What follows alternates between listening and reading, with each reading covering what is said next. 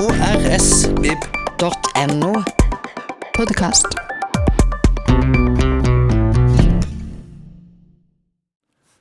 Velkommen til Kristiansand folkebiblioteks eh, første podkast.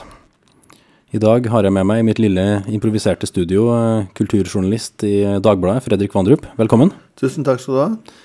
Og I dag så um, tenkte vi at vi skulle snakke om den nært forestående nobelprisutdelinga. Eh, som kjent så ble det jo litt uh, furore da det ble kjent at uh, årets nobelpris i litteratur går til en person som kanskje mer er kjent som en sanger enn en forfatter. Bob Dylan. Det var jo mange som har skrevet side opp og side ned i avisene og på blogger og overalt om det, men hva syntes du om den utdelinga? Altså, hvordan føyer den seg inn i rekka av nobelprisutdelinga tidligere? Altså, det er vel et brudd det er snakk om tidligere praksis, egentlig? Det er et brudd i den forstand at, at man gjorde noe Vi som har vært for denne prisen i mange år, aldri trodde at Svenske Akademien skulle lande på. Fordi vi, vi har vel tenkt som så at, at Dylan blir for, for populærlitterær uh, uh, musik, musikeraktig i forhold, til, i forhold til den tradisjonen som Svenske Akademien har stått for. da.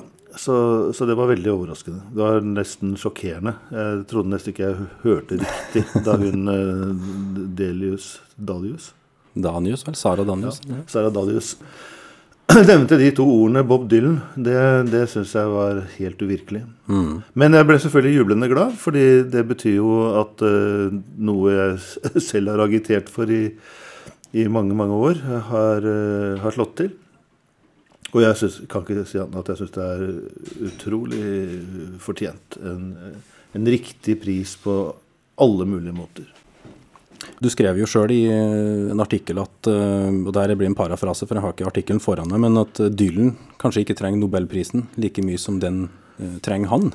Ja, det, er, det, har jeg, det, har jeg, hentet fra Gisle Selnes' rykende ferske bok om Bob Dylan som heter 'Den store sangen'. Det er han som skriver dette. Mm. Og det er, jeg synes jeg er veldig godt uh, formulert. Dylan har selvfølgelig priser nok, han har heder nok, han har fans nok, han har uh, uh, millioner av mennesker som, som setter enorm pris på det han driver med.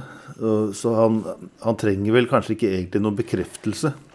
Det, det, det som skiller alle tidligere priser fra, fra, denne, er jo at han får heder for sin litterære virksomhet. For, for sin bruk av ord. For sin evne til å, til å uttrykke virkeligheten gjennom, gjennom, en original form for sanglyrikk. da. Og han får jo prisen for å ha, for å ha tilført den amerikanske sanglyrikktradisjonen et originalt bidrag. Så, så det, er, det, er, det, er, selvfølgelig vel, litt, en liten forskjell, da. Han har jo fått den svenske Polarprisen tidligere, men den går jo til musikere. ikke sant? Så, mm. så nå får han den som forfatter og som, som sanglyriker. Det, det, det, er jo en, en stor forskjell. Mm. Samtidig så er det klart at uh, det er faktisk, ja, det er faktisk uh, en, uh, en, forfatter tidligere som har fått Nobelprisen, som er en, en meget aktiv sangskribent, eller var da, Rabindrarat Tagore fra mm. India, som fikk den i 2000, nei, 1913. Han har jo skrevet tusenvis av sanger, og skrevet nasjonalsangen til India og til til Bangladesh og til, eh, til uh, Sri Lanka. Så, mm. så, der har du jo et eksempel på at, at det faktisk har gått til en, til en mann som kanskje først og fremst var sanglyriker. Men, men, han fikk den jo da for, for lyrikken sin. Da. Det var ikke dette som ble nevnt i begrunnelsen den gangen. Nei, det var vel egentlig en litt uh, mangelfull oversettelse tilgjengelig på den tida. Det var vel kun én diktsamling eller to som var oversatt til noe europeisk språk i det hele tatt. Ja, ja. Uh, men, var, men, han var vel, han var, vel, han var sikkert den første nobelprisvinneren fra, fra utenfor eh, liksom det vestlige europeiske området. Altså. Mm. Mm. Ja, du spurte vel hvordan dette her gikk inn i tradisjonen, ikke sant? Ja, brudd med tidligere praksis og så videre. Ja. Jo, det er det klart at det er, og det, det trekker inn en eh, helt ny litterær sam sjanger i, i Nobelsammenheng. Mm. Det gjorde man jo for, for så vidt også da man ga den til Dario Fo, den den italienske eh, dramatikeren. Som jo knapt har eh, utgitt et eneste skrevet ord, men som, hvor, hvor, hele hans eh, teaterideologi går på å framføre ting uh, muntlig og improvisert. Så, Det improvisert så det, det, var, det var jo også et, et, et brudd, da, kan du si. Mhm. Men hvorfor ikke? Hallo. Det, det er klart at litteratur er, er mye. Det er lyrikk, roman, novelle, skuespill. Men det er jo, det er jo i høyeste grad også sanglyrikk, da. Mhm. Det tror jeg kommer Det, det kommer relativt seint at, eh, at eh, en institusjon som Nobelkomiteen da anerkjenner at det er, er verdig en pris. Da. Mm. Mm. Ehm, universitetsavisa hadde som eh, overskrift på denne saken at visesangeren Dylan fikk Nobelprisen. Ja. Ehm, og eh, I tillegg så er det jo Aftenbladet som sier at eh, de mener at eh, selve utdelinga av denne prisen kom for sent. Ehm, at det allerede ville ha vært for sent på 90-tallet.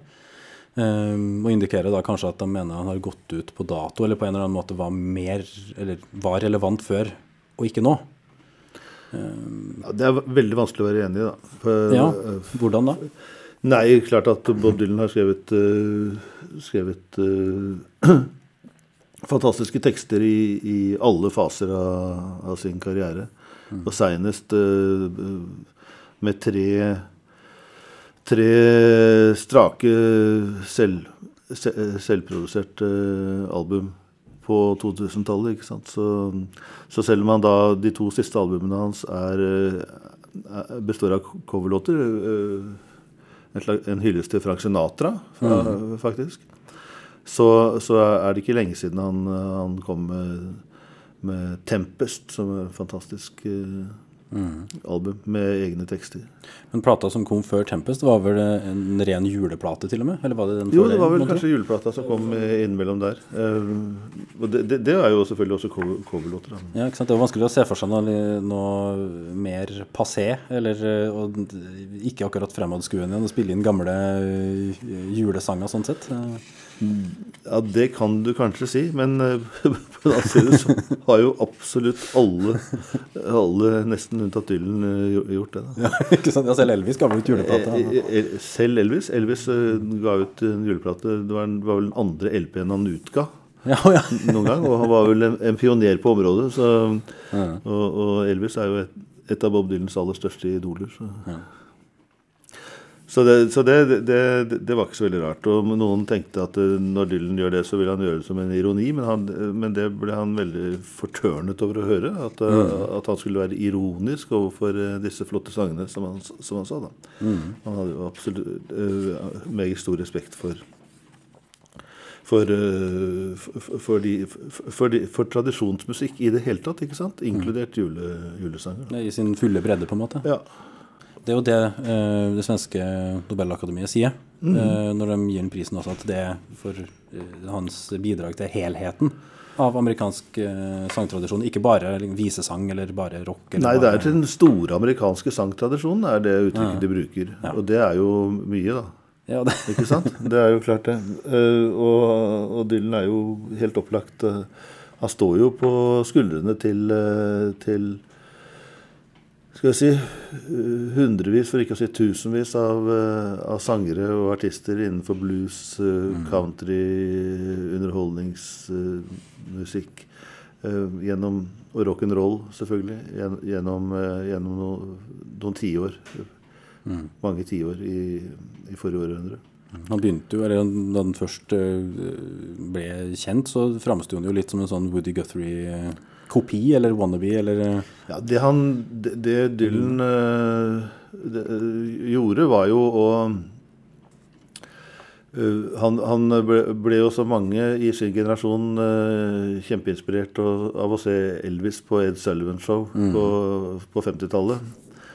Og, og, og, og, søkte sin egen musikk på, på et vis ved, ved, å gå, ved, å lete opp uh, plateinnspillinger med, med, gammel blues og gammel countrymusikk og mm. gammel skal vi si, folksong-tradisjonen. da. Mm. Og, og, lyttet til så mye han overhodet kunne og, og kom over. Og, og, tok inn i seg dette. Han uh, Det er ja. en interessant um litt humoristisk anekdote i den uh, dokumentarfilmen som ja. Martin Scorsese lagde. Mm hvor uh, flere tidlige bekjente av Dylan sjøl sier at uh, han kom gjennom og regelrett stjal plata. Som tok ja, var, den kun fin. Det var særlig plata. han uh, som heter Easy Young, som var ja. en av hans mentorer da, mm. i New York tidlig på 60-tallet. Han sa at Dylan lånte, lånte mange titalls plater av han. Mm. Og han har dem fortsatt, sa han. ikke sant? Og det var da 50 år seinere. Så, så, men dette var tydelig altså Dette var noe han, noe han uh, gikk inn i med, med, hud og hår og sjel og alt. Og så kom det ut igjen da som, som Bob Dylan uh, mm. og hans genuine uttrykk. Mm. Noen år, noen år senere. Men uh, i utgangspunktet så var Woody Guthrie var jo en av hans absolutt største idoler. Og han eh, han øh, besøkte Woody Guthrie på, i New York, på sykehuset. Da var Woody Guthrie syk. Øh, døende, egentlig. Og var satt og, og, spilte og sang ved sykesenga til, til Woody Guthrie. Så han, han var selvfølgelig kjempeinspirert. Han, på den første plata så har han en låt som heter 'Song to Woody'. Som mm. er en av de, en av de to, to egen, egenskrevne låtene på, på, den plata. Resten er, er folksongs. Mm. Tradisjonell. Tradd-arr. Tradd-arr. Mm. Uh, han stjal jo til og med uh, The House of the Rising Sun-arrangementet til en kamerat av seg som heter Dave van Ronk, som, uh, som jo bodde i, i, New York og var en veldig bra populær visesanger. Han hadde lagd et kjempearrangement til House of the Rising Sun som som han hadde tenkt å spille inn på plate, men så, mhm. så snappet Dylan hele arret og, og utga det sjøl på, på, sin debutplate, Bob, Bob Dylan. Mm. Senere så tok jo The Animals i England samme, samme arrangement og gjorde det elektrisk. Og mm. gjorde en kjempesuksess med det. Ja. Dev Van Runk har vel uttalt at uh, han måtte slutte å spille eh, sitt arrangement av eh, House of the Rising Sun, fordi alle anklagde den for å ha stjålet fra Dylan, fordi Dylan ga det ut på plate. Men senere så fikk jo Dylan samme eh, medisin da alle anklagde han for å ha tatt det fra Animals igjen. Så det går liksom i, ja, da, det i ring. Da. går i sirkel. Men flott er det i hvert fall. Mm. Uansett. Med alle sammen. Dylan er jo en sånn figur som det er larger than life, egentlig. Det er veldig vanskelig å Altså, det er skrevet så mye om en. Ja, det er jo skrevet masse. og Det er mange forskjellige tolkninger. Han tolkes ut fra forskjellige perspektiver ettersom hvem som skriver om han, ikke sant? Og det, mm. Han kan tolkes som uh, fra et historisk perspektiv, fra sosiologisk, psykologisk uh, Hva har du, ikke sant? Og, mm. og, og, og, det er blitt gjort i høyeste grad i, i den ene boka etter den andre, ikke, og religiøst, ikke minst. Mm. Eh, men, og, det, og, han, blir jo liksom, han er liksom blitt kjent som mannen med maskene. Jeg, jeg, jeg, er litt kritisk til akkurat den, akkurat den tolkningen av Dylan. Jeg syns han på en måte er ekstremt konsekvent.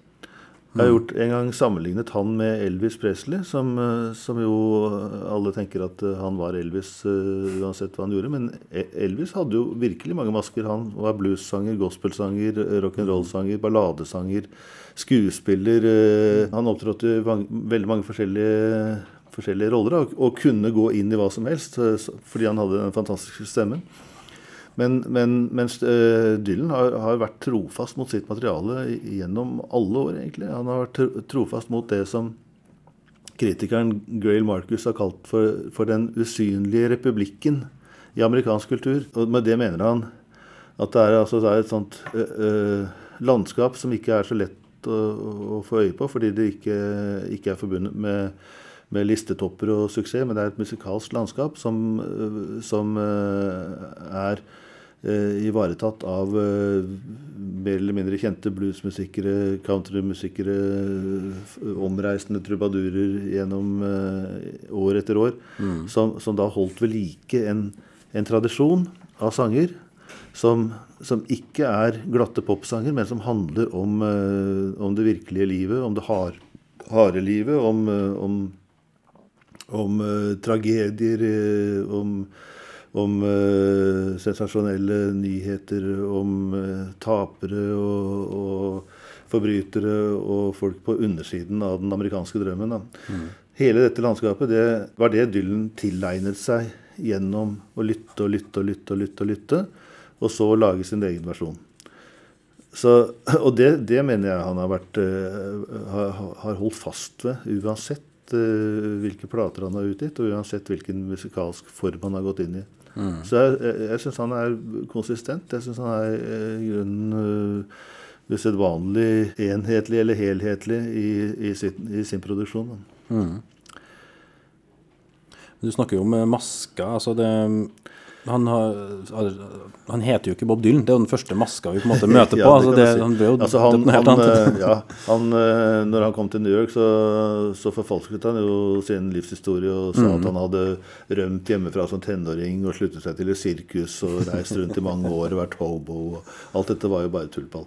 Mm. Det stemte jo ikke i det hele tatt. Men, så, så, men han, han mytologiserte seg selv, da. Ja. Og, og ga et eh, liksom inntrykk av å være en annen enn enn han var. Skapte seg et, et image og skjulte seg bak, bak en eh, Du kan se på denne filmen 'Don't Look Back', hvor han blir intervjuet på, i England når han drar til Europa første gang. Og, og, og, og vrir og vrenger på journalistenes spørsmål og, er, er, er da denne denne tverre dyllen da, som han prøvde å, prøvde å, å oppføre seg som og leve opp til. Det kunne være et vanskelig eh, intervjuobjekt, Han, men eh, han var helt sikkert det da, ja. Det, det er vel liten tvil om, men det er ganske morsomt å se, se i dag. da. Ja. Han, er såpass, eh, han er såpass lynskarp i huet at han har ikke noe problem med å liksom snurre disse folkene rundt sine egne pekefingre. Så, og så motsatte han seg jo egentlig særlig på litt sikt så motsatte han seg jo dette imaget av å være en slags stemme for, eh, for opprørsgenerasjonen og, og alt dette her. At han skulle være, sånn, være protestsanger og, og politisk aktiv og representant for en stor bevegelse. Det øh, tror jeg var veldig imot hele hans hele hans i- ideologi. Han er jo en utpreget individualist som, uh, som, uh, som bidrar med sitt personlige uttrykk, og som ikke, ikke forsøker å være noen sånn forsanger for et kor av 68-ere. Liksom. Selv om det kanskje var det de ville ha. det ville de gjerne ha, men det fikk de jo da ikke, for Dylan brøt, brøt jo da etter hvert med, med, med forventningene til å være denne nye visesangerkometen som, eh, som skulle bidra med frelse og redning for, eh, for en generasjon av opprørere. Og så, ved, ved, ved da noe så for så vidt banalt i dag som å, som å bruke elektriske instrumenter. ikke sant? Altså, I det øyeblikket han, han la fra seg kassegitaren og tok fram en elektrisk gitar og lot seg backe av eh, bluesmusikere, så, så, så ble det furore på Newport-festivalen først, og siden også til dels på den europaturneen som han la ut på, da.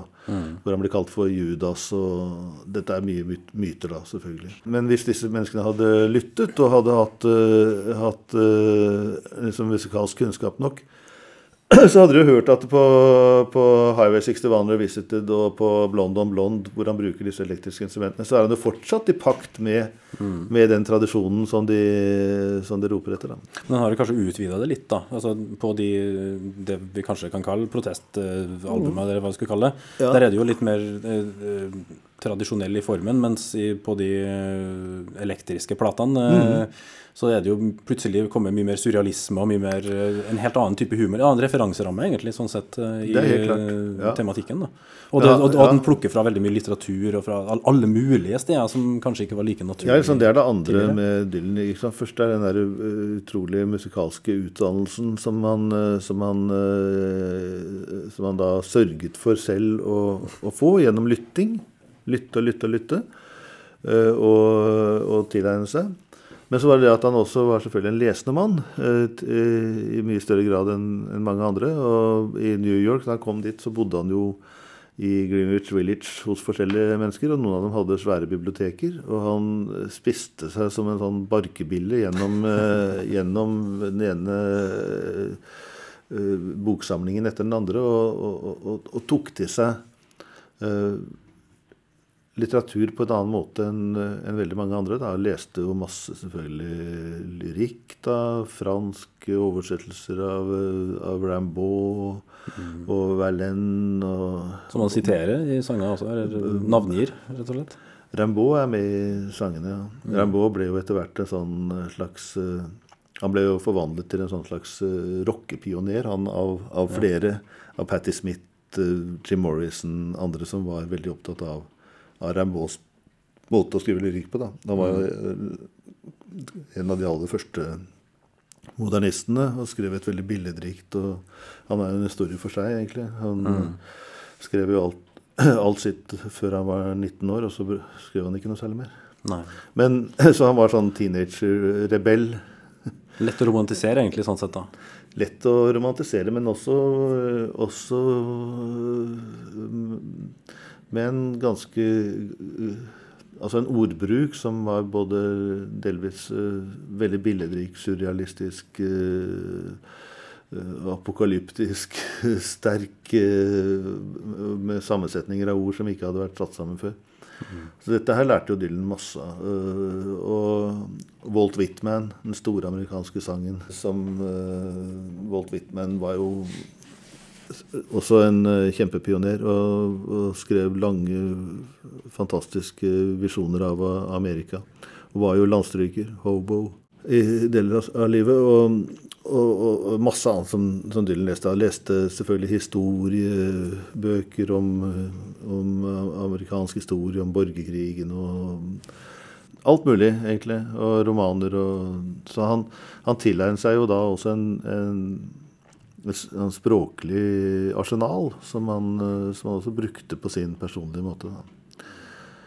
Så i tillegg til, eh, i tillegg til at, det, at det sang, sangene jo er eh, fortellinger som er fortalt på en annen måte, som har sånn, eh, slags mystisk utgangspunkt. Man, hvem, hvem, er, hvem er det han synger om her, og hva er dette for noe? Hvilken situasjon er dette? Sånn som i 'Ballad of a Thin Man'. Um, 'Something is happening here, but you don't know what it is. Do you, Mr. Trones?' ikke sant? Eller uh, 'Like a Rolling Stone'. En låt som Dylan sier Det var på en måte akkurat som et spøkelse som, som inntok ham og skrev den sangen, og så forsvant det igjen. Ja, altså Han hadde nesten en sånn eh, slags mystisk overlevering som, han, eh, som han snakker om. Da. Men det er jo selvfølgelig også en sang om eh, hvem er det han synger om her? Hva, hva, er det, hva, hva er det som foregår i denne sangen? Hva, hvilke scener er det man ser for seg når man, man lytter til dette? Så han var jo veldig, eh, og Noen mener jo at han skrev sine beste tekster midt på 60-tallet. Det, Det kan vel det diskuteres, sikkert. kan diskuteres veldig, fordi han, han skrev jo Han har jo da utgitt såpass mange plater og såpass mange fantastiske tekster at det, det syns jeg i hvert fall ville være vanskelig å si. da, Å sette disse opp mot hverandre. Ehm, etter at han uh, ble rocker, så å si, så Mm. ble han jo egentlig utsatt for det som flere eh, av de tidligere rockegruppene opplevde. nemlig At eh, hele den eh, å spille foran publikum ble litt vanskelig. Eh, han endte jo med å rett og slett slutte å holde konserter, som også Beatles gjorde. Ja. Eh, fordi interaksjonen med publikum ble så problematisk. Altså, det her var jo en tidsalder før, eh, før gode PA-anlegg, altså gode, gode eh, høyttalere. Og du, du, hørte kanskje ikke hva du drev med hvis det var for mye støy fra salen, sånn som Beatles opplevde. Det var jo et rent hylekor. Eh, Dylan opplevde jo mye eh, ren kritikk. Judas ro tilbud på ting og tang. Buing og sånn. Ja, det reiste på turné med The Band, da. Altså det som ble The Band. Som da het De het Hoax. Uh, Kanadiske musikere. Levon Helm og Robbie Robertson og Rick Danko. Det er jo fantastiske liveinnspillinger med, med dem. Som, Det eh, gitt ut vi får faktisk hele den eh, 1966-turneen. Har vel nettopp kommet i en Nettopp, sånn samleboks med jeg vet ikke hvor mange CD, 30-35 CD-er, noe sånt. 39, tror jeg. 39, ja, Det er helt utrolig.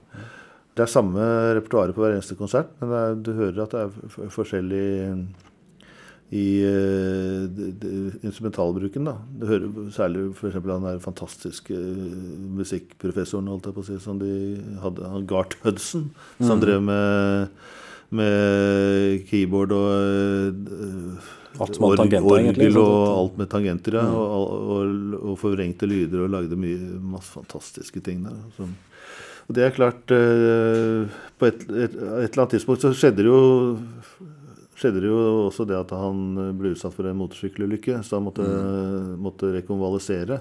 Ja, den har jo blitt mye omtalt, den motorsykkelulykken. Ja. Om, det- var en ulykke, om det var sånn Jo, det var visst en ulykke, men jeg tror den kanskje er blitt litt eh, overdrevet. Ja, ikke sant? At det var Altså en sånn beleilig grunn til å ta en pause? Ja, en måte. nettopp. Så han dro opp til Woodstock og bosatte seg der. Og, og spilte med The Band i kjelleren på dette huset de bodde, eller han bodde i. Og, eller var det kanskje band som bodde der? The Big Pink, som de kalte det. Og der, etter hvert så kom jo de De debuterte jo i 1968 med sin egen plate.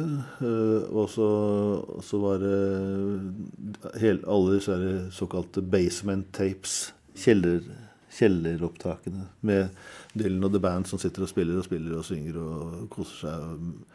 Uten tanke på at det skulle gis ut, men bare Ja, for, kanskje bare for å kose seg, rett og slett? Ja. Prøve ut noe nytt? Og, Ja da, ja, ikke sant? Det er, det er jo også typiske varianter av, av sånn folkmusikk veldig mye, da.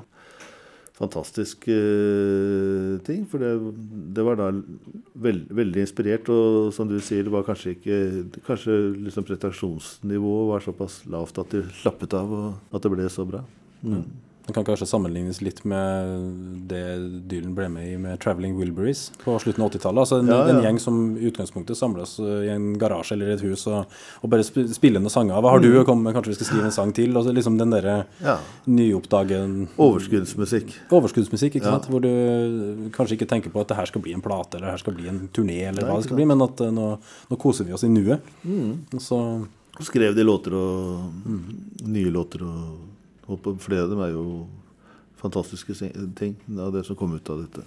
Men den tok jo en liten pause etter, eh, etter den perioden. Den hadde jo en sånn kort uh, flørt med countrymusikk og en helt annen sangstemme, Ja, ja. egentlig. Det var jo også Ja. litt eh, Jeg husker da jeg kjøpte eh, den Nashville Skyline-plata, Mm. så ble jeg litt forundra over eh, Og det her var jo lenge før jeg på en måte hadde lest noe om Mm. konteksten. ikke sant? Og høre at hva i verden er det han driver med? Hvem er det som synger på de sangene hvor det høres helt annerledes ut? Noen, noen, jeg husker jo veldig godt at den kom, og, og noen hardcore Dylan-fans ble jo virkelig forarget over, det, over denne plata. Igjen ble for- Igjen forarget, ja.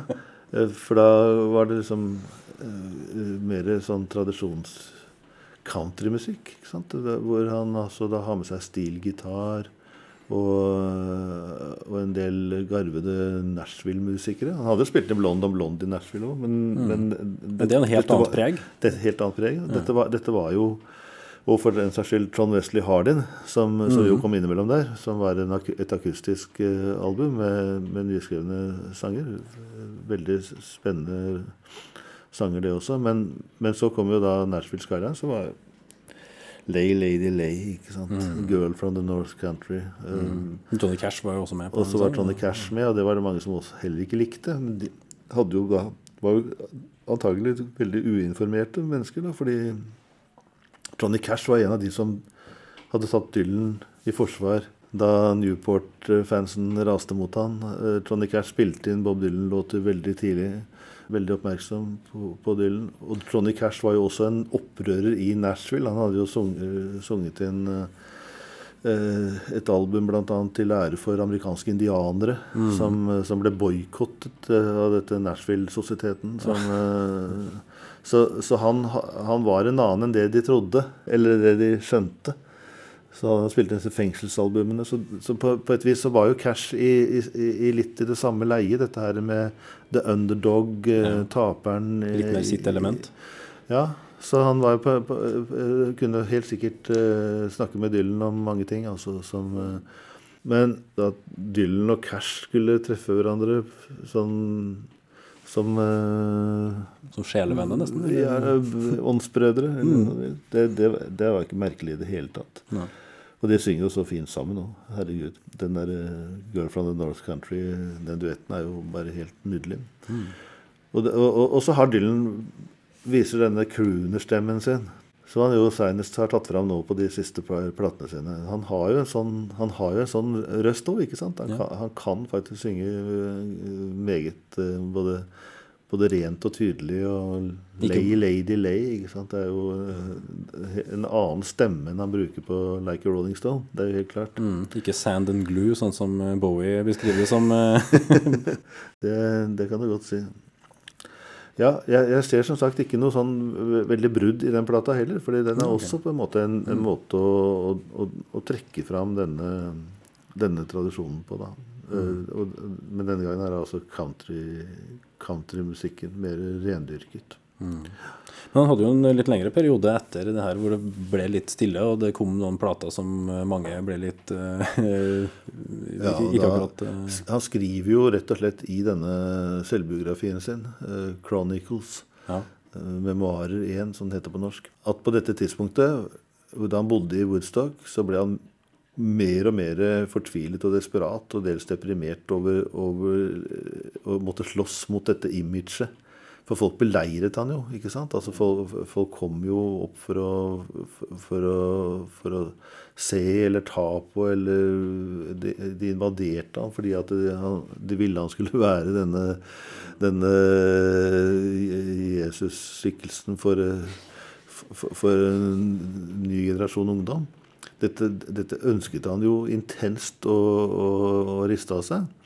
Og så vil han ut til dette albumet som heter Self Portrait, som går i en helt annen retning, hvor det ikke er, det ikke er tegn til protestviser eh, eller noe sånt, hvor han synger en del eldre materiale uh, i sine egne versjoner. Sanger fra den amerikanske sangboka. Det ble jo da også Det ble ikke nådig mottatt av, av kritikerne, fordi jeg tenkte Hva er det han driver med nå? Liksom? Er han blitt helt bløt på pæra? så, men, men, sett i ettertid så er det jo veldig forstå, forståelig da, hva, hva, han egentlig drev med. På en måte ville rense seg selv for dette imaget her, og så, og så gjenoppstå med noe han selv kunne, kunne godta. Da. Mm. Ja, for Han hadde jo gitt ut plata nesten, nesten to plater i året en periode. og liksom Det kom jo sanger på løpende bånd, og så plutselig ja, altså, så var det noen år hvor det, hvor det tilsynelatende ble stille. Altså, det ble jo stille. Ja, han tok seg jo mye bedre tid, ja. Ja, altså Det kom jo riktignok den New Morning-plata kom vel i 70. Og så ja. laga han musikk til film, den Pat Garrett and Billy the Kid, hvor ja. Knocking on Heaven's Door kom med. Men, men foruten det så var det jo tre-fire år hvor det liksom var ja. uvant stille, egentlig. Det var det. Man mente jo at han hadde kanskje liksom Kanskje han har slutta? Ja, det kom i hvert fall ikke sånne eksplosjoner som hadde gjort, gjort uh, noen år tidligere. Nei.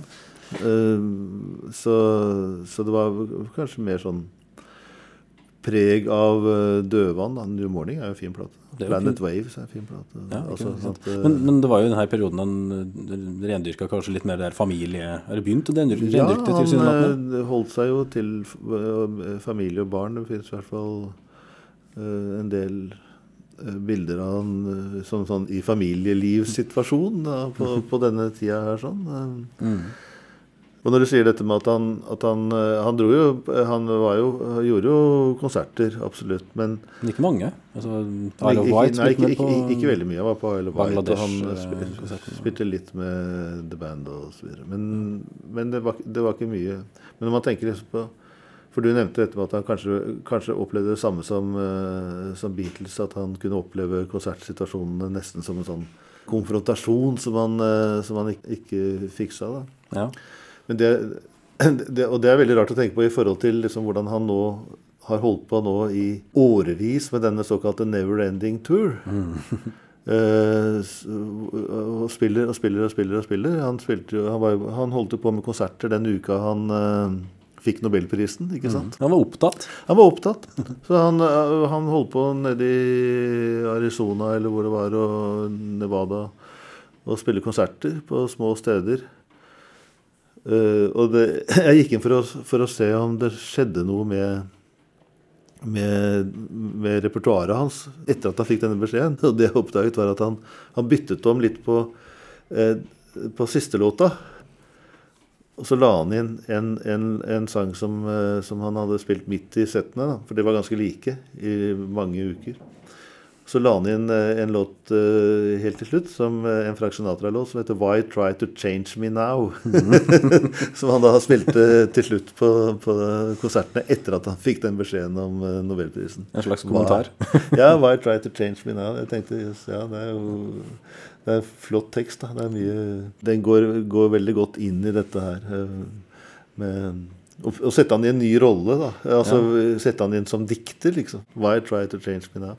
Eh, det er litt morsomt, egentlig. Dylan gjør jo sånne subtile ting. Den gjør det. Ja. Men eh, eh, du nevnte Planet Waves. Det er jo en av mine favorittplater, egentlig. sånn sett da. Eh, For det var jo på en måte den som markerte at nå, nå er han på en måte tilbake igjen. Altså, da, Ja. da, da, ble, da ble det jo turné. Altså, Ja da, da. tok han jo med seg The Band eller, og hadde noen helt fantastiske eh, konserter med masse energi og full fart. Ja liksom. visst, og de er jo også ute på plate. Fabelaktige ting. Og da, kom- da kom det liksom en sånn periode hvor det virka som hun var tilbake i godt gammelt Ja. lege med en ny plate hvert år, og liksom, eller minst Mm. en plate i året. Og, Da kom vel sånn som I Shall Be Released og, og, og sånne, sånne um, låter som, eh, som et, senere er blitt ikoniske, nesten. Blood on the Tracks, en annen plate som er Så kom jo den i veldig, 1975, ikke sant? Og veldig verdt å høre på. Ja, det, det, det var for, er for meg et stort høydepunkt. Mm. Blood on the Tracks som kom i 1975. Det er vanskelig å være uenig i det. altså. Og det, var, eh, og det er jo en kjærlighets... eh, Nesten sånn konseptplate. De henger jo sammen. Kjærlighetssorg. Veldig sterke tekster og melodier. Fortellinger. Mm. Store fortellinger. Det ligger et sånn melankolsk skjær over hele plata som, Mm. eh, som er, er så vakkert. Men, og, og, og så jo ut på den kjempeturneen sin, Rolling Thunder-turneen. eh, hvor han hadde, var, malte seg hvit i ansiktet. Den der maska igjen, ikke sant? Der kommer den hvite maska. Og hadde hatt og, med fjær i. Og, og fele, hun der dama som spiller fele. Og fantastisk eh, Scarlett Rivera som ble oppdaga på gata, var ikke det? Du kjørte nedover gata og tenkte 'Hvem er det der med fiolinkasse? Kan vi bare se hvem Du, spiller du? Har du lyst til å bli med i studio, Ikke liksom? Hurricane, ikke sant. Ja, ja, Plutselig så er det full rulle eh, gjennom Amerika med det trøkket. For, så, så da hadde han tydeligvis eh, overvunnet sin eventuelle konsertangst. Men da hadde jo på en måte tida tatt den igjen, på en måte. For altså, da han reiste rundt på turné på midten av 60-tallet, så ble han jo bua.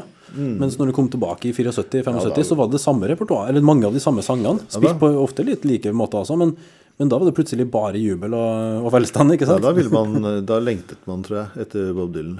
Eh, så reiste han jo så, Og så eh, kom han jo også med enda en plate som jeg syns er eh, litt undervurdert og underspilt. Det er Street Legal. Som er en veldig eh, fin plate, i hvert fall for meg. da.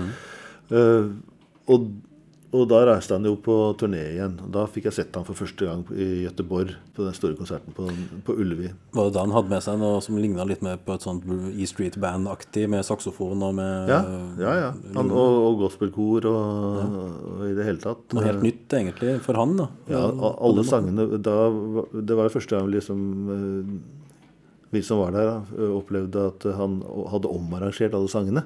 Ja, Du kjente ikke igjen de Eh, før han kom et stykke uti? eh, eh, med 'Blowing in the Wind' i regga-takt. Og, og, så- og, det var jo kjempe, kjempeflott. Da. I hvert fall syns, eh, jeg det var flott. Og det å få sett han var jo, var, jo storveis, da. Endelig. Ikke, etter alle de åra. Ja.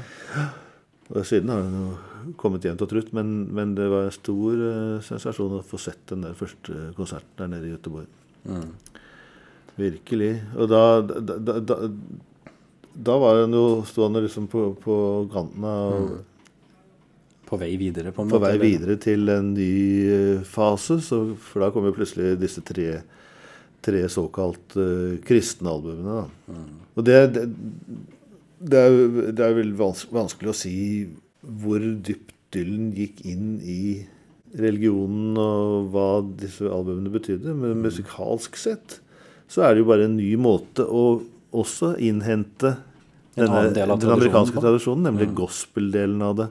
Som han selvfølgelig også var uh, inspirert av. Det er jo masse religiøst eh, stoff i både bluesen og countrymusikken, men først og fremst i gospelen, som jo som Dylan bruker der uh, til å lage noen av sine fineste sanger, egentlig. Men Den første av de eh, kristne platene, hvis vi kan kalle det det. da, den, Slow eh, Train Coming. Ja, det, Nick Cave har vel uttalt, uh, den australske musikeren Nick Cave Ja. har sagt at uh, det er kanskje hans favoritt-Dylan-plate. Ja. Men han grunngir det med at det er der du ser den, den sinte, fordømmende evangeliske Dylan, liksom, som, eh, som dømmer alle nord og ned hvis du ikke omvender deg. Og det, det er et ordentlig sint materiale. Man blir kanskje ikke i godt humør av å høre på den eh, alltid, selv om Nei, musikken musikken er fengende. flott, Musikken da. er fengende, da. Men dette, men dette, eh, dette forstår jeg veldig godt at eh, Nick Cave kan, kan si. For Nick Cave jo, har jo selv en rem av denne huden. Han er jo Han er jo Absolutt har et uh, forhold til, til, sin, til sin skaper. Og, og mye av det han har, lagd, ligger jo i et sånt sørstatsamerikansk landskap. Med mye dommedag og, og, og Gammeltestamentlig. Eh, Veldig gammeltestamentlig. Han skrev en roman, ikke sant? 'When the Ass Saw the Angel', som er sånn litt William Faulkner-aktig eh, nede fra sørstatene. Eh, mye Elvis-inspirasjon. Og, og det er klart uh, at han identifiserer seg da med den, med den Dylan som, uh, som da tar ut de, de, disse religiøse følelsene. Det, det skjønner jeg veldig godt. Eh, Det passer inn. du ser jo Cave, du hører jo Cave, han er, han er jo nesten en sånn Særlig de tidlige platene, 'Birthday Party' og sånn. Det var veldig, veldig apokalyptiske ting, da. Ny dommedag der. Eh, mye mer enn hos Dylan, da, egentlig. For, Ja, fordi Dylan lager jo mer sånn blanding av salmer og gospel. Ja, så har han med seg knofler på gitar, og det, det er jo også et godt møte, tror jeg. Ja, det er Mm. tydelig. Mark Knopfler var jo med og produserte en av de første platene Ja. etter den kristne perioden, perioden også, den Infidels. eh, Ja, nettopp. Det var han vel. Og jeg husker jeg hørte den første plata med Die Straits så, så på, en bilradio i, i en drosje, husker jeg. Så, så måtte jeg spørre Men hva fanken er dette? her? Har Dylan kommet med en ny plate? Fordi det var så likt. Altså Hele Nofflers måte å synge på og rytmikken og sånn var veldig idyllisk. da. Mm. skjønte etter hvert at det ikke var han, men Nei, det er jo grunnen til at den, eh, den Slow Train Coming-plata er veldig lik. Det er en ting er at Noffler er med, men ja. trommisen eh, Pick Withers fra Dire Straits er også med å spille. Ja, og så er den vel produsert til og med på samme studio. Akkurat. Så du får liksom inn de samme studiomusikerne som på sånn. det gir mening. Ja.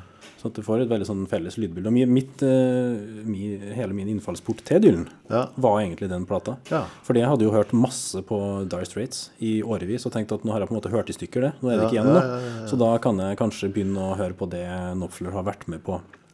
Det hadde Hos hatt føltes som, eh, som årevis, Tore, men de kom med den plata jeg tror i 78 eller noe sånt. Sultans of Swing. Sultans of Swing. ikke sant? Mm. Men eh, du, 1980-tallet. ja. Der var det jo utrolig mange gode musikere fra 60-tallet som gikk seg helt eh, bort og forsvant i alle mulige slags eh, merkelige inkarnasjoner. Dylan også, egentlig. ja, på et vis så er eh, virker på meg i hvert fall som om flere av platene ble sånn litt feilprodusert. Da. Altså de havnet i et eh, havnet i et mer sånn der eh, state of the art-aktig produksjonsbilde som ikke kledde Dylan noe særlig. Ikke sant? De, eh, og jeg tror han selv også var famlet veldig med de med, gjennom, gjennom 80-tallet. Han øh, beskriver jo kulminasjonen av dette her med, med møtet med Tom Petty og, og Orbison og George Harrison øh, og Jeff øh, Lynn på, på, som, som, jo skjedde på slutten av 80-tallet. Mm. At det på en måte ble en vei ut av det, det dødvannet som han hadde, hadde vært i. Det er jo ikke det at det, sangene egentlig er veldig dårlige, eller tekstene er veldig dårlige, eller sånt, men det er og det finnes jo noen utrolig godbiter. Og det var vel på et av de albumene Blind Willy McTell ble veid og funnet for lett til å bli med på, på, på plate. Utrolig nok en sang som eh, de aller fleste andre ville vært fornøyd med å ha på sin eh, topp to-tre-liste. Ja, ja. Skrive den ene låta, så er du, du, på en måte, har du gjort det. ja, ikke sant? Altså, men han tenkte at nei, den, ja. den dropper vi fra. Infidel, Infidels-plata. Det, det, blir ikke bra. Det, det, var, det, var, en merkelig, merkelig periode, altså. Virkelig. veldig mye rart. Men uh, Dylan er jo gjerne kjent for å ha, være litt utålmodig i studio. At det skal mm. liksom skje der og da. Altså nå, nå, trykker vi record, og så spiller vi. Mm. Og så når vi er ferdig med sangen, så er den ferdig. Mm. Det er ikke liksom å komme tilbake i måned etter måned og legge på nye gitarspor, legge på riktig. nye trommespor og ta vekk og begynne å klippe og sånne ting. Det er mulig at det var det du holdt på med. Altså. Ja, det, det, kan virke sånn. Han kom jo med et uh, album helt på tampen av uh, eh, 80-tallet som ble spilt inn i New Orleans. Tenker på Oh Mercy? Eh, ja. Med Daniel Lanois som Daniel Lanois, ja. ja. Og da, da, tror jeg han ikke var så veldig Jeg tror ikke han var fornøyd med det. Altså. Han, han, han, beskriver opptakten i det, i denne, hvor han, mm. hvordan han sitter sammen med Bono en, eh, en natt, og så foreslår Bono at han må jo eh, møte Daniel Lanois. Så de ringer til ham midt på natta, så avtaler så kommer han til New Orleans og spiller inn det albumet, som slett ikke er noe dårlig album. men det er det, det, er akkurat som om eh, produksjonen ikke stemmer helt med, med, med Dylans uh, måte å, å, framføre sanger på. Den kom jo i 89, og der var det jo Det var etter det her Traveling Wilburys-eventyret ja. på en måte hadde ja. kommet. Så det virker som man på en måte har noe slags ny giv, for låtmaterialet er egentlig sterkere enn det har vært på veldig lenge. Kjempebra, ja, absolutt. Veldig mange sanger som altså Willie Nelson spiller jo flere av de låtene live ennå, og har mm. gjort i alle år. Ja. Uh, What Was It You Wanted, f.eks. Ja, det er jo en fantastisk sang, ikke sant? Ja, ikke sant? Ja.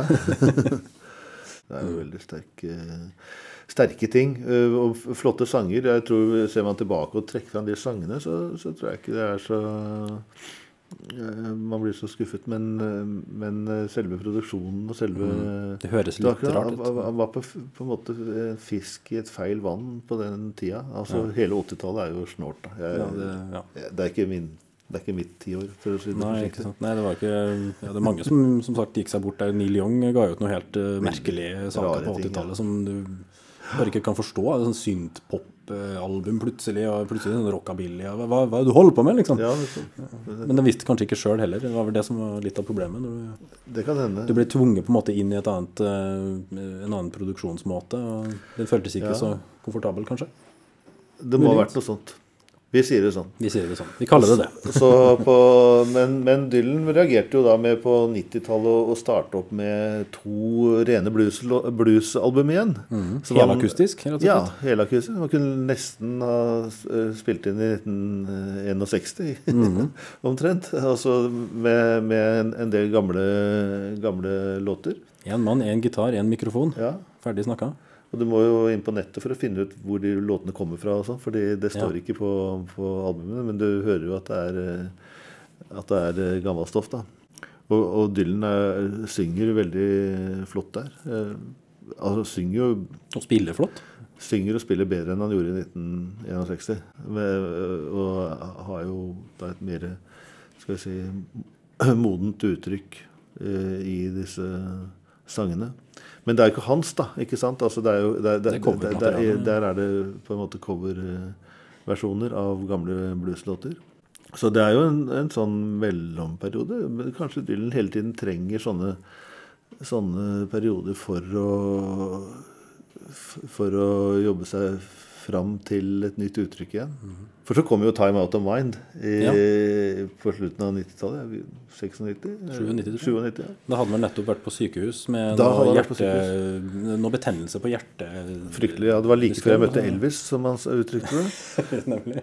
Han refererer til Elvis. Eh, Elvis har spilte inn en låt veldig tidlig, en Dylan-låt, eh, 'Tomorrow Is A Long Time'. Allerede midt på 60-tallet spilte Elvis inn jeg tror 66 eller noe slikt. Og, og den kom ut på, som en sånn bonusspor til en film-LP. Og den bare blåste Jeg, jeg hø- hørte den og tenkte jø- jøye meg for et møte mellom disse to. Det er den lengste låta han har spilt inn noen gang. og og helt nydelig. Så jeg spurte, spurt, Da jeg møtte Dylan, så spurte jeg han hva, hvordan han likte den låten. Så sa han at du kan det bare bli fylt av en enorm ydmykhet når en, når en, sang, en sanger av det kaliberet velger å spille inn en av låtene. Han var, var helt helt uh, hengiven, rett og slett, overfor det. Elvis betydde, betydde enormt for, uh, for Dylan. Så, så når han holdt på å dø, så var det at han nesten møtte Elvis. Mhm. Men han kom tilbake igjen da, med 'Time Out of Mind'. Men før vi går inn på den, Ja. ehm, så siden du nevner det, Mhm. at du eh, var så heldig å møte Dylan altså det, det har jeg lurt litt på. For der, er, eh, vi snakka jo innledningsvis, eller litt tidligere, om um, intervjuobjektet i Dylan. Eh, Ja. At den kun vel, at den er egentlig notorisk. Det er en sånn person du kanskje gruer deg litt til å møte, for du tenker hva, 'hvem er det jeg møter'? Altså, Ja, ja. Hva, hva får jeg se? Men hvordan, eh, hva var Nei, jeg omstendighetene? øh, var jo selvfølgelig også nervøs foran det. Men vi var jo en uh, liten gjeng fra forskjellige land i Europa da, som skulle møte han uh, på et hotell i Roma foran Love and Theft. Da var det en stund siden Time Out of Mind. Øh, fire år. Var veldig nysgjerrig på, på hva han kom med etter den. Hvordan han kunne toppe den. Det er vel også Lanois, ikke sant? Stemmer det. Altså, ja. Ja. Uh, Men uh, og, og så fikk vi høre plata litt i forkant, og det var jo et voldsomt trøkk, da. Ja, altså, det var jo Det var skikkelig fin, jordnær, eh, sterk plate. Da begynte han vel å produsere platene sjøl. Mm, det var den første han produserte sjøl. Kalte seg selv Jack Frost. Snømannen Kalle. Og, og, og, og, da brukte han jo dette livebandet sitt rett inn i studio. Jeg følte at han nesten spiller rett inn i mikrofonen. Det er bare så, så tøft og tett og, og på en måte litt rått, da. Ja. Jo, så, så, så jeg tror alle var ganske smånervøse foran, foran det møtet. Herlighet. Øh, men det var altså en opptur øh, av øh, dimensjoner. Han, han viste seg å være verdens hyggeligste mann.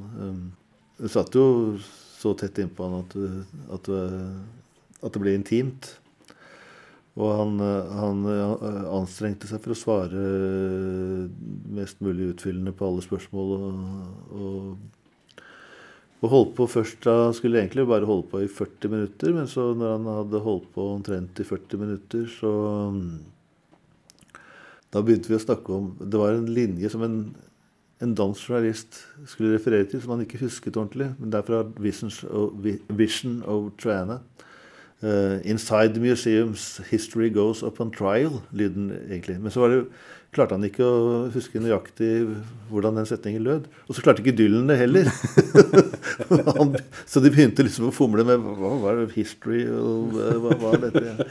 Og, og, og så sa Dylan 'let's take a break, I'll be back'. Og så, og så tok, ble det en pause, og så kom han meg tilbake og holdt på en halvtime til. Altså, det var bare nydelig. Uh, og, og han, eh, han viste stor respekt for, for, eh, for oss som var journalister. Kan si. Mm. Et hyggelig møte. Veldig hyggelig møte.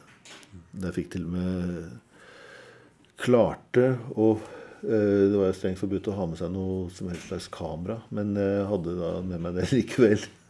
og, og, og spurte Dylan could we take a picture, og han sa yes, why not. Så jeg ga det til en kollega, og så fikk han tatt et bilde.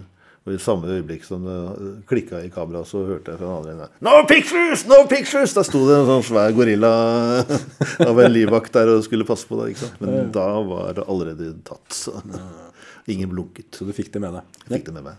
Det er veldig ytterst sjelden at jeg har, har øh, gjort noe sånt, men øh, akkurat Dylan gjorde et lite unntak. Du nevnte at det her var i forbindelse med um, Love and Theft-plata. Um, nå hoppa vi jo egentlig litt bukk over den uh, som kom før, men, uh, men Love Jo. and Theft de henger jo på en måte litt sammen, uh, selv om de er produsert ganske forskjellig. Ja, veldig forskjellig. Så det er på en måte den, nye- den nye nå, nåværende dylen vi på en Mm. måte ser i de to platene. da. Time Out of Mind ble jo tatt imot som et mesterverk liksom et, etter, en, etter det noen oppfattet som en tørkeperiode, da, i og med at han ikke hadde produsert noen, lagd noen egne sanger. Eh, og Time Out of Mind det inneholder jo noen veldig storfelte partier, det må man jo kunne si. Mm. svære, flotte tekster. Og han er jo på en måte litt eh, inspirert der av eh, av de store britiske lyrikerne. Robert Burns. Mm. Sånne svære Du ser for deg sånne svære skotske fjellandskap. egentlig sånn britiske tradisjonen. Så, men så er han jo da eh, på Love and Theft eh, absolutt tilbake i Amerika og i sørstaten, og der eh, I sumpen. Og, Flood on the Mississippi, ikke sant? Og, og refererer til Charlie Patten. Og mye mer amerikansk, da. Mye mer rock'n'roll. I tillegg til noen veldig fine sånne viser eller, eller sanger som du kunne danse til on the porch. Ja. ikke sant? Altså, men veldig gammeldags, eller veldig sånn Gammeldags, uh, ja. ja. det er Kanskje feil å bruke det ordet, men altså det, Jo, det er jo- på en måte litt, eldre populærmusikk. da. Ja, ja. de- Delvis er det jo melodier etter hvert eh, på neste plate. og Sånn, melodier som han, som han bare har uh, rappa og laget nye tekster på. Sånn. Red Sails in the Sunset. Så, så, så han eh, Men jeg tror mer en, Han er, ikke, han er mer, mye mer enn en nostalgiker. Han er jo også Samtidig så forsøker han jo å gjøre disse tingene nye ved å synge dem selv. Med sin stemme. Som har endra seg. Eh, Som jo altså, ja. Da han var ung, altså da han først kom, så forsøkte han jo å høres ut som en litt sånn uh, gruff eldre Ja, så- bluesmusiker. Og nå har han jo blitt det. Han har på en måte nådd, det, ja. Nådd det han prøv, på en måte prøvde å få Ja, det til. du si, altså.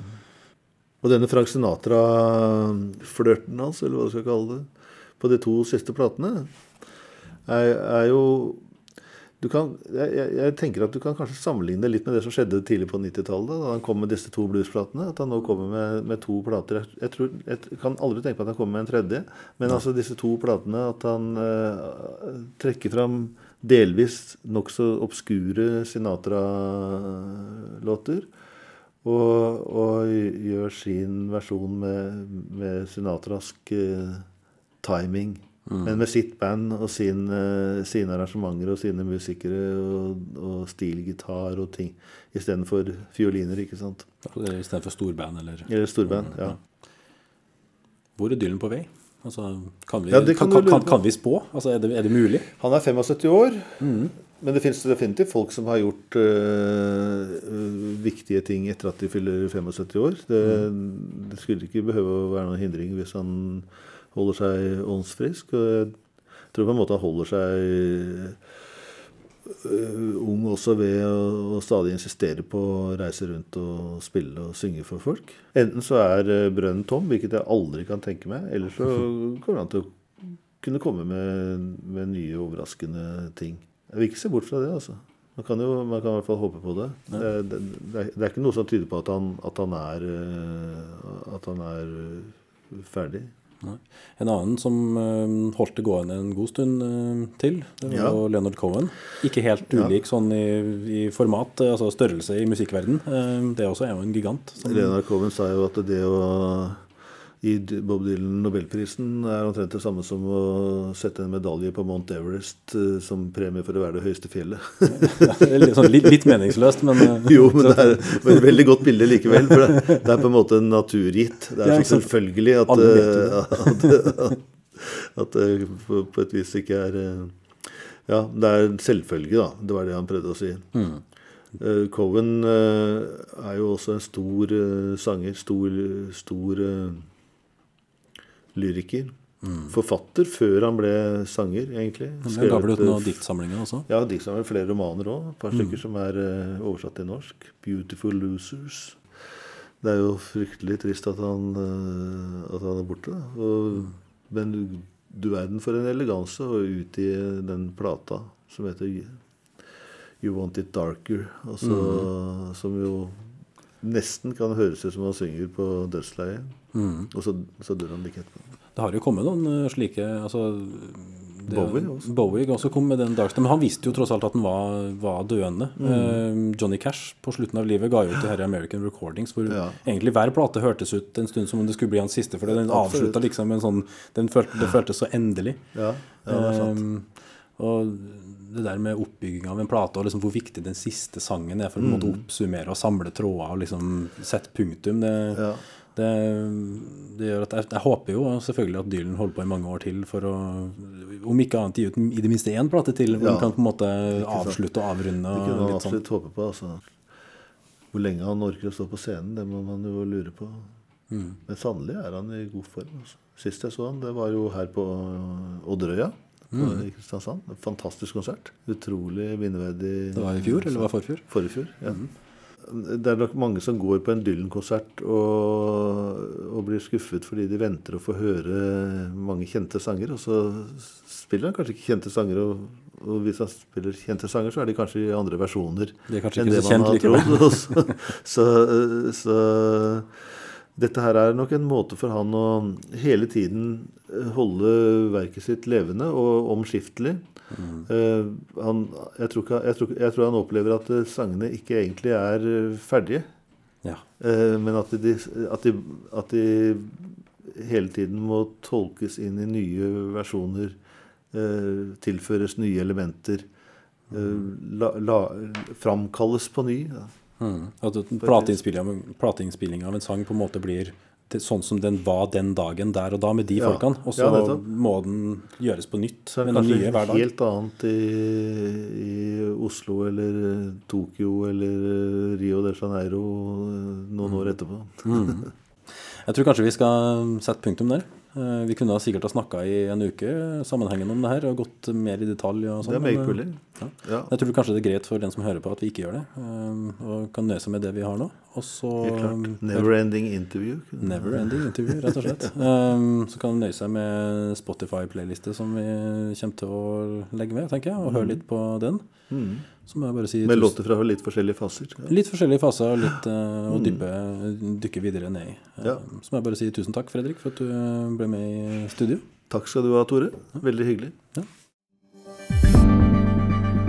Flere podkaster fra oss finner du på Google Podkast, Apple Podkast eller iTunes, eller ved å stikke innom vår hjemmeside på krsbib.no.